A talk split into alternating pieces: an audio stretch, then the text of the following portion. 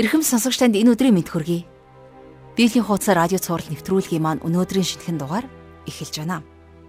Тэгэхээр анхны бурхантай харилцаж байсан хүмүүс илүү хялбар байсан гэж хүмүүс боддог баг.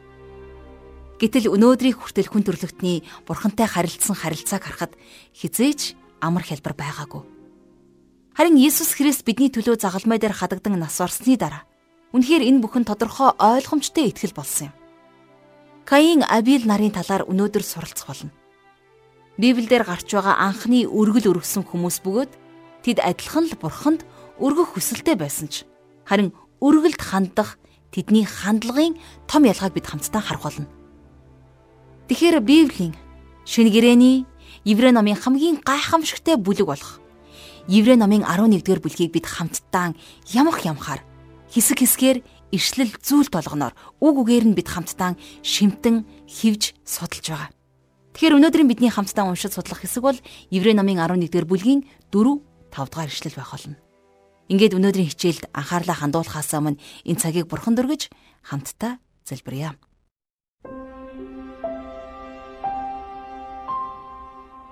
Бурхан аав минь таньда энэ цагийн төлөө баярлалаа аваа. Энэ өдөр бид таны үгийг судалж, таныг улам илүүгээр таньж мэдхийг хүсэж байна. Бид хуучин гэрээний үеийн итгэлийн бааtruудын итгэлийг судалж, танд итгэх итгэл ямар гайхамшигтай хүч чадалтай болохыг улам илүүгээр ойлгож ухаарахад та энэ цагт бидэнд туслаарай. Бид таны өмнө итгэлээр л очих ёстойг. Бид энэ дэлхийг тантай хамт итгэлээр л туулж, давн туулах ёстойг бидэнд ухааруулж өгөөрэй. Та энэ л гайхамшигтай үгээ бидний зүрхэнд арилшгүйгээр сэлэн үлдээж өгөөрэй. Өөрийн ариун сүнсээрээ энэ цагийг та удирдаарай. Бүх зүйлийг танд өргөж, эзэн Есүсийн нэрээр залбирanгуйч байна. Амен. Ингээд хамтдаа жаргал ах шиг хичээлд анхаарлаа хандуулъя. За Еврей номынхон судлалын өнөөдрийн хичээлээр бид хамтдаа итгэлийн бүлэг гэгддэг номынхон 11-р бүлгээс үргэлжлүүлэн судлах болно. За дараагийн ишлүүдээс бид нар хуучин гэрээний итгэлийн бааtruудын итгэлийг жишээ болгон авч үзнэ. Эдгээр хүмүүсийн амьдралд итгэл яаж хүчтэйгээр нөлөөлж байсныг хамтдаа судлана. Эдгээр хүмүүсийн амьдралаас бид нар итгэлийн үлгэр жишээг авах болно. За хамгийн түрүүнд үерийн өмнө амьдарч байсан гурван хүний тухай гарч байгаа. Эхнийх нь Абель, дараагийнх нь Енох, за гурав дахь нь Нова. Өнөөдөр бид нар Абель болон Енохын тухай үзнэ. Тэгэхээр Абелийн итгэлийн гэрчлэлээс бид нар итгэлийн замыг олж харна. Харин Енохын түүхээс болвол бид нар итгэлээр алхах гэж чухам юу болохыг хамтдаа үзэх болно. А тэгээд эцэст нь Новагийн түүхээс бид нар итгэлийн гэрчлэлийн тухай үзнэ. Тэгэхээр эдгэр хүмүүс бол итгэлээр амьдарч итгэлээр аврагдсан хүмүүсийн тод жишээ юм аа. За ингээд хамтдаа эхлээд Абелийн итгэлийн тухай өгүүлсэн За дөрөвдүгээр ишлэлээр хичээлээ эхлүүлье. Итгэлээр Абель Каиныхаас үлэмж дээр тахлыг бурханд өргөв. Үүгээрээ тэр зөвхт гисэн гэрчлэлийг хүлээн авлаа. Бурхан түүний бэлгүүдийн тухай гэрчилсэн юм. Тэр үгсэн боловч итгэлээр ярьсаар байна. Абелийн итгэлээс бид нэгэн чухал зарчмыг хамтдаа сурах болно. Бид э, бурхны өмнө ганцхан зүйл дээр л үндэслэн очих боломжтой гэдгийг бид нар эндээс ойлгож аавна. Энэ бол итгэл. Бас бид нар зөвхөн Христэд итгэх итгэлээр л авралыг авах боломжтой. Зөвхөн Авраамч биш. Абель хүртэл Христийн өдрийг хүссэн хүлээж байсан гэдгийг энэхүү ишлэл бидэнд гэрчилдэг. Тэгэхээр одоо хамтдаа Эхлэл ном руу Каин Абель гэсэн хоёр залуугийн түүх рүү очицгаая. За ингэхдээ Абелд юу байсан, Каинд юу байгаагүй вэ гэдгийг үзье. Энэ хоёр адилхан залуу чухам яг юугаараа ялгаатай байсан юм болоо. Эхлэл номын 4-р бүлгийн 1-р ишлэлээс уншъя. Адам Еватагаа унтаж эхнэр нь жирэмслэн Каиныг төрүүлээд эзний өрөөлөөр би хүүтэй боллоо гэж хэлвэ гэсэн байна. За Ева энд баяртайгаар эзэн надад хүүг өглөө гэж хэлсэн байна, тийм ээ? За Эхлэл 3-ын 15 дугаар ишлэлдэр Бурхан сатаанд хандаж би тэр эмэгтэй та хоёрын хооронд бас чиний үр тэр эмэгтэйн үрийн хооронд дайсагнал үүсгэнэ. Тэр үр толгоогч нь бяцалж түүний өсгийг чи няцална гэж хэлсэн байсан. Өөрөөр хэлэх юм бол сатааны үрийн толгойг бяц гიშгэх хүү өөрөөс нь мэдлэлээ гэж бодоод Ева маш их баярлж байсан.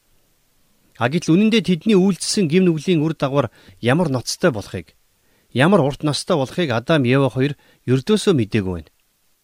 Тэд нар ууган хүүгээл сатаныг ялах ялагч байх болно гэж бодсон. Гэтэл тэдний ууган хүү Каин аврагч байгаагүй харин ч алуурчин болсон.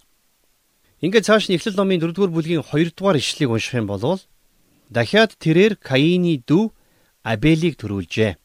Тэгээд Абель мал маллаж Каин газар идэх болвоо гэсэн байна тийм ээ. За эндээс хамтдаа энэ хоёр хүүг хооронд нь харьцуулж үзцгээе. Хэдийгээр тэд нэг эцгийн хүүхдүүд төрсөн ах トゥ ус байсан боловч эсрэг тесрэг хөвгүүд байсан. Тэд нар өөр хоорондоо ихэр юм шиг адилхан байсан баха гэж би хувьдаа боддгийн. Яагаад гэвэл тэдэнд ээжийн талын аав ээжийн а эсвэл аавын талын аав ээжийн ген гэж байгаагүй. Өнөөдөр нэг гэр бүлд төрж өссөн хоёр хүүгийн Жишээ нь ах нь их сайн сурлагатай мундаг хүн болоод дүүн тааруу сурлагатай үл бүтэх нөхөр болчихвол энийг зарим эрдэмтэд ах нь аавын талын эмээгийнхаа генийг авчихсан харин дүүн ээжийн талын өвөөгийнхөө генийг авсан учраас ийм ийм өөр байгаамаа гэх мэтэр тайлбарладаг л да. А гэтэл Каин Абель хоёр дээр ийм тайлбар хийх боломжгүй баг. Каин Абель хоёрт эмээ өвөө гэж байгаагүй. Тэм учраас энэ хоёр хүүгийн ялгааг бид нар удамшлын талаас нь тайлбарлах ямар ч боломжгүй юм а. Тэр хоёр хоорондоо маш их адилхан. Бие авч явж байгаа байдал нь ч гэсэн адилхан байсан баха гэж би бодож байна. А гэхдээ тэд нэг зүйлээрээ өөр хоорондоо эрс тис ялгаатай байсан. Зарим хүмүүс орчны нөлөө хүүхдүүдэд нөлөөлдгөө гэж тайлбарладаг. А тэгвэл Каин Абель хоёр дээр бид нар энэ тайлбарыг ашиглах бас л боломжгүй. Олон эрдэмтэд Хэрвээ бид нар хүний өсөж байгаа орчин гэр бүлийн харилцааг дээд зэргийн байлгаж чадах юм бол хүмүүс бүгдээрээ сайн хүн болж чадна гэж тайлбарладаг юм. Гэтэл Каин Абель хоёр яг адилхан орчинд өөр бусад найз нөхдийн нөлөөг авах боломжгүй тийм орчинд төрж өссөн. За тэгвэл хамтдаа цааш нь Эхлэл номынхон 4-р бүлгийн 3-р ишлэлийг харъя. Хожим нь Каин газраас авсан үр жимснээсээ эзэнд өргөл болгон барьжээ гэсэн байна тийм ээ. За магадгүй тэд нэр эзэн бүх бүтээлээ дуусгаад амарсан саббат өдрийг тэмдэглээд ингэж тахил өргөсөн байхаа гэж Библийн багш нар үздэг. За ингээд тахил өргөх болоход Каин газрын үр жимснээсээ эзэнд зориулж өргөл өргөсөн байгаа. Харин үргэлжлүүлээд дөрөвдүгээр ишлэгийг харах юм бол Абель бас хонин сүргийнхээ анхны төлөв болон түүнийхээ өөх тосноос өргөжээ. Эзэн Абелийг болон түүний өргөлийг ойшон хүлээж авсан боловч Каинийг болон түүний өргөлийг ойшоосонгүй. Каин ихэд уурлан уруу царайлваа гэж бичсэн байна. Каин Абель хоёрын тахил юугаараа ялгаатай байсан бэ? Тэр хоёр хоёулаа л бурхны өмнө дуулууртаагаар ирж тахил өргөссөн байна шүү дээ. А гэтэл тийм биш байна. Тэд нар бурхан тахил өргөхдөө хургаар тахил өргөх ёстой байсан. Яагад гэвэл хурган өөрөө хожим ирэх Христийг бэлэгдсэн бэлэгдэл болох ёстой байсан. Хожим ирэх Христ аврагчийн тухай Эхлэл номон дээр гардаггүй гэж битгий бодоор Каин Абель хоёр хургаар дахид өргөх ёстой байсныг тэр хурган хожим ирэх аврагч Есүс Христийг төлөөлж байсан гэдгийг Эхлэл ном бидэнд хэлж байна. Тэм учраас Еврей номын 11-р бүлгийн 4-р ишлэлдэр хэлэхдээ итгэлээр Абель Каинихаас үлэмж дээр тахлыг бурханд өргөвөө гэж хэлсэн байна, тийм ээ. Тэг яаж үлэмж дээр тахил өргөсөн юм бэ? Абель итгэлээр ирж итгэлээр өргөсөн учраас тэр. За тэгвэл итгэл гэж яг юу вэ? Ромын 10-ын 17 дугаар ишлэлийг харах юм бол тиймээс итгэл нь сонсохоос сонсох нь Христийн үгээр ирдэгэ гэсэн байна. За тэгвэл Абельч тэр Каинч тэр аль аль нь бурхнаас илчлэлт авсан учраас тахил өргөсөн байж таарна. А гэтэл Абель бурхны зааврын дагуу тахил өргөсөн болвол харин Каин тэр зааврыг үл тоомсорлсон. Бурхан тэр хоёрт та хоёр харж байгаад хүссэн зүйлээ надад өргөхгүй юу даа гэж хэлээгүй лавтай шүү дээ.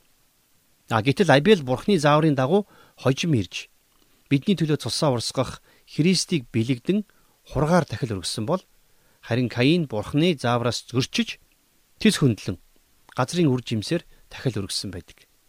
Каин өөрийнхөө гараар тарж ургуулсан газрын үр жимсээ бурханд дахил болгон авчирсан нь нэг талаасаа бурханд өөрийнхөө үйлсийг зөвшөөрүүлэх гэж оролдсон. А үйлсээрээ авралыг авах гэж оролдсон хүн төрлөختний анхны оролдлого байсан гэж хэлж болно. Өнөөдөр ч гэсэн бас маш олон хүмүүс ийм оролдлогыг хийсээр байна. Тэд нар бурханд өөрийнхөө үйлсээр таалагдахын тулд янз бүрийн зүйлийг хийж байна. Ямар ч тач Абель бурхны өмнө хураг авчирч ядалсан бол Каин өөрийнхөө ургуулсан ногооны дээжээс авчирч өргөсөн байна. Абель хураг өргөсөн нь бурхны тушаалын дагуу байсан. Бас түүний өргөсөн хураг нь хожим ирэх Христийг төлөөлж байсан. Абель бурханд ийхүү дуулууртай хандсан байна. Ингээд харах юм бол бурхан бүр анханасаа л цус урсахгүйгээр нүглийн уучлал байхгүй гэдгийг хүн төрлөختөнд тодорхой хэлсээр ирсэн байна. За нөгөө талаасаа бол гим нүглийг бурхан хизээч шийтгэлгүй орхихгүй гэдгийг Библи бидэнд гэрчилж байна. Тийм учраас л хөөхий бяцхан хургийг нядалж дахил болгон өргөх ёстой болсон. Мэдээж тэр хурганы цус гим нүглийг цагаатгаж чадахгүй шүү дээ. Гэхдээ энэ нь хожим ирэх Есүс энэ дэлхийн нүглийг үүрэх хураг бидний гим нүглийг цусаараа цагаатгах болно гэсэн итгэлийн үйлс байсан. Тэмч учраас энэ тахилыг тэд нар итгэлээрээ өргөх ёстой байжээ. Тэгэхээр Абелийн тахил бол Христийг тунхаг гэлж байсан. Тэр тахил өргөхдөө авралын үндэс болсон тэрл итгэлээр Бурхны өмнө очисон. Бурхан анханасаа л бидэнд нэг зүйлийг ямагт тодорхой хэлсэн байдаг.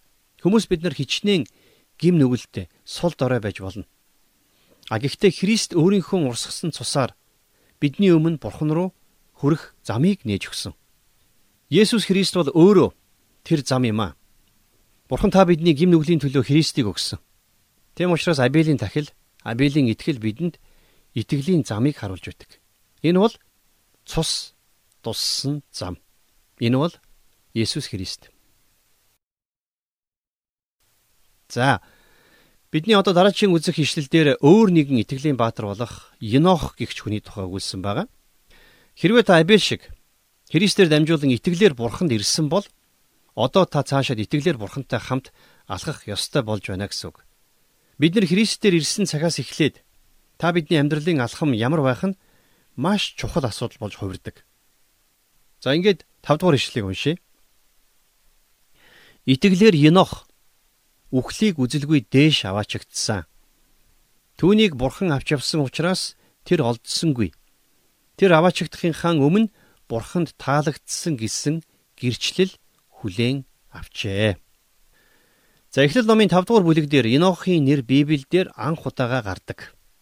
За 5 дугаар бүлгийн 1 дугаар ишлэгийг харах юм бол Адамын уг угсаа ийм билээ гэж энэ бүлэг эхэлж байгаа. За ингээд Адам 130 наслаад Сет гэдэг хүүтэй болсон. За дараа нь Сет ч бас үр хүүхдүүдтэй болоод улмаар нас барсан байна. Адамын гим нүглийн улмаас Адамч тэр тэрний үр хүүхдүүд ч тэр бүгд нас барцгаас. Тэгэхээр заримдаа Эхлэл номын 5 дугаар бүлгийг унших үед яг л оршуулгын газар дундуур яваад тэгээд булшин дээрх нэрсийг нь чулуун дээрх он сартай нь уншиж байгаа юм шиг санагддаг. За Адамын гим нүглээс болоод Ихээс төрсөн бол үхтэг хорвоогийн жам бий болсон. Өнөөдөр бүх хүн энэ л жамыг тойрч биш харин дайрч амьдрч байна. Бид нар хүний дундаж наслалтыг уртсгаж чадаж байгаа ч гэсэн мөнх амьдралыг бий болгож хизээж чадахгүй шүү дээ. А гítэл Эхлэл номын 5 дугаар бүлгийн 19-оос 24 дугаар ишлэлдэр тис өөр дүр зураг харагддаг. Хамтдаа эдгээр ишлэлийг одоо уншийе. Ярэд Энохыг төрүүлснээс хойш 800 жил амьдарч үр хүүхдүүдтэй болов. Ярэд 962 нас наслаад өгчээ. Енох 65 настайдаа Метуселаг төрүүлжээ. Метуселаг төрүүлснээс хойш Енох 300 жил Бурхантай хамт явж үр хүүхдүүдтэй болжээ. Енох 365 наслав. Енох Бурхантай хамт явж байсан ба түүнийг Бурхан авч явсан учраас тэрээр дэлхийд байсангүй гэж энд бичсэн байна тийм ээ. За энэ бол Енохын түүх. Эхлэл номын 5 дугаар бүлэг дээр Адамын үр удмын талаар ургийн бичгийг өгүүлэхдээ тэдний амьдралыг ердөөсө дурдаагүй байдаг. А гэтэл Яредийн хүү Енох дээр энэ зарчим эвдэгдэж Енохын Юрвсын амьдралын тухай өгүүлсэн байна. За юу гэж өгүүлсэн байна уу гэхээр Енох 65 наснда Метусела гэдэг хүүтэй болсон. Түүнд өөр үр хүүхдүүд байсан ч гэсэн ууган хүүгийн Метусела гэдэг байсан байна, тийм ээ. За тэгээд Метуселаг төрүүлснээс хойш Енох 300 жил бурхантай хамт явж үр хүүхдүүдтэй болжээ гэж түүний тухай дэлгэрүүлж бичсэн байгаа. За Метуселаг төрүүлснээс хойш гэж энд хэлсэн нь их сонирхол татдаг юм а. Метуселаг төрөхөөс өмнө Енох бурхантай хамт яваагүй гэсэн санаа эндээс гарч ирж байна.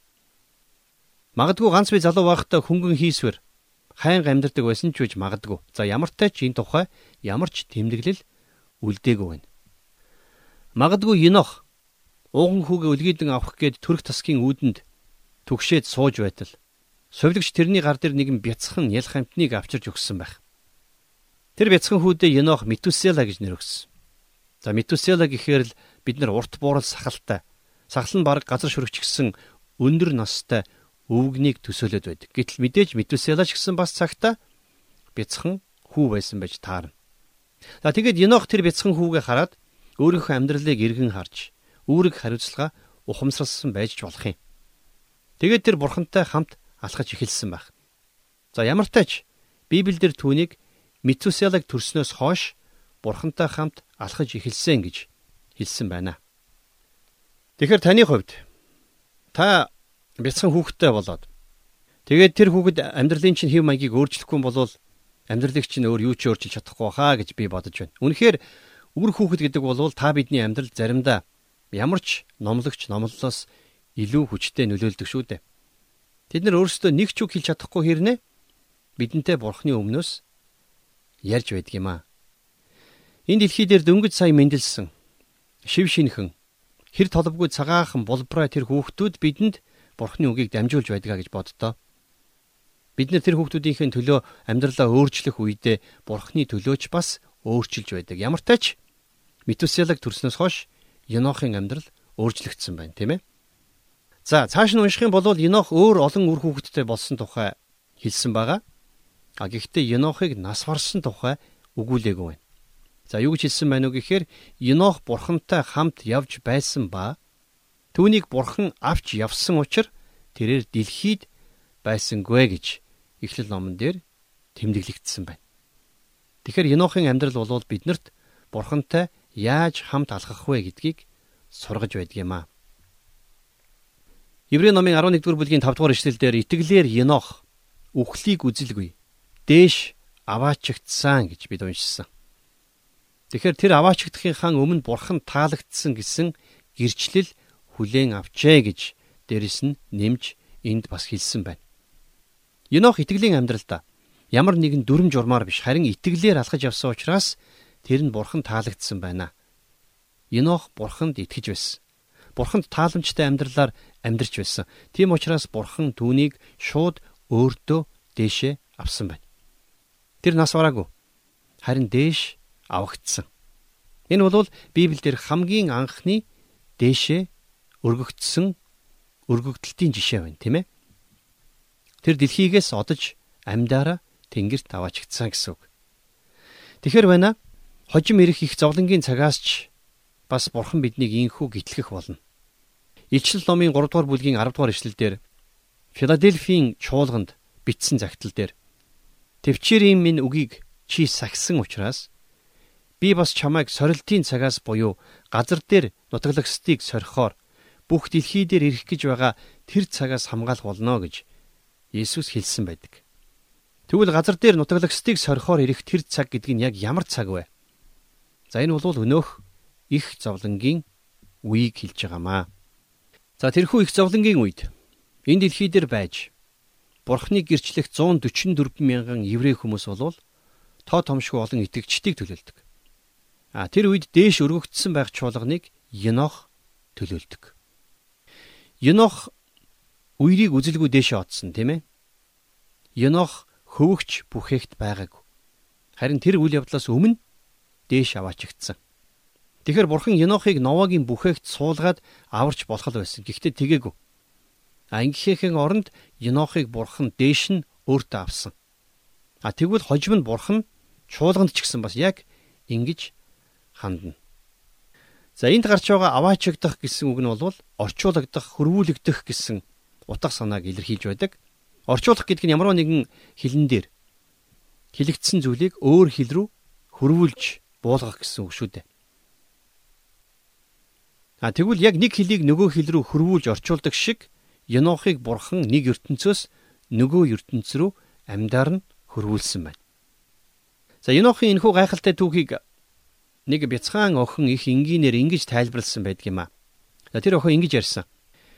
За эртээ урд цагт Енох гэдэг сайн хүн амьдардаг байжээ. Бурхан нэг удаа тэрэн дээр очиод Енохо чи надтай хамт гадуур алхах уу гэж асууж.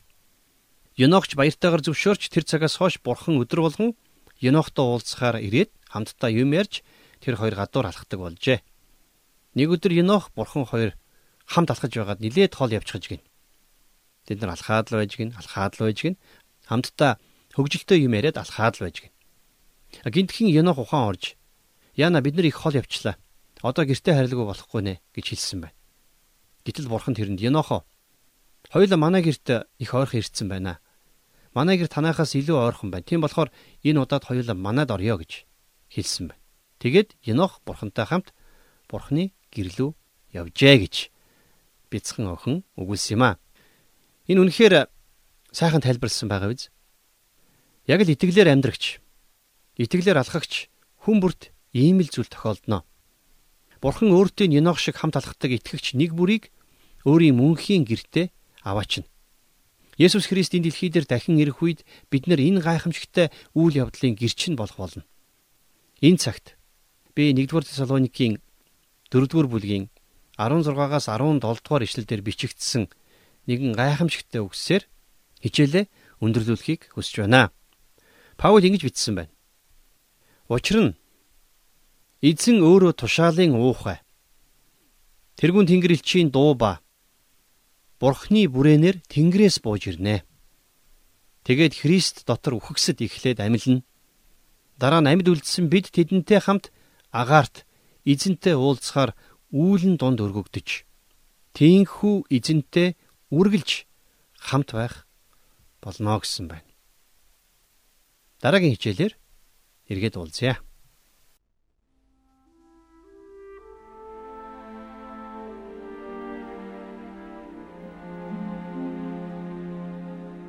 Тэгэхээр өнөөдрийн хичээл өндөрлөхөд тун цөөхөн хором үлдээд байна. Хичээлийг зааж тайлбарлаж өгсөн жаргалагчтай баярлалаа. Тэгэхээр төгсгөлийн агаарт эзэнтэй уулзахаар үүлэнд өргөгднөө гэсэн үгийг нэгэн удаа орчуулга дээр таньдаг пастор номлохыг сонсч байсан юм. Тэгэхээр Христэд итгэгчдийн оршуулга эргэн уулзах итгэл найдвараар дүүрэн байдаг бол итгэл үнэмшилгүй хүмүүсийн хувьд залруулах боломжгүй болсон харилцаагаар дүүрэн нэг тийм гонигтай бас харуулсмаар байдаг. Миний хувьд аль аль оршуулгад нь оролцож байсан. Иргэн уулзах ихтгэл найдвар гэдэг бол гайхалтай зүйл гэдгийг ухаарсан.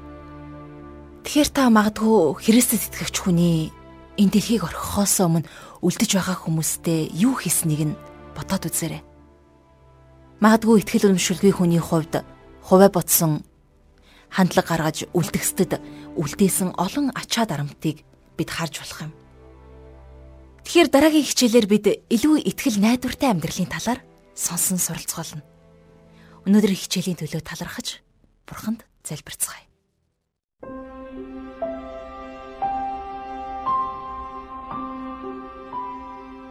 Бурхан эзэн минь таньда баярлалаа.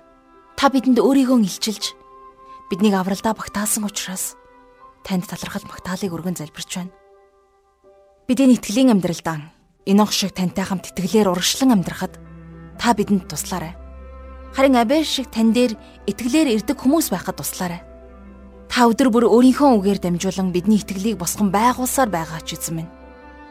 Бидний амьдралыг бусад хүмүүс харахтаа үнэхээр энэ хүн бурхантай хамт алхаж байна гэдгийг харж мөн тийм гэрчлэл талархлыг бурхан танд өргөдөг байхасаа гэж хүсэж байна. Мөнхийн эзэн минь бидний өдөр бүрийн алхам тутмыг та ариун сүнсээрээ удирдаарай бүх зүйлийг танд өргөж эзэн Иесусийн нэрээр залбирanгуйж байна. Амен.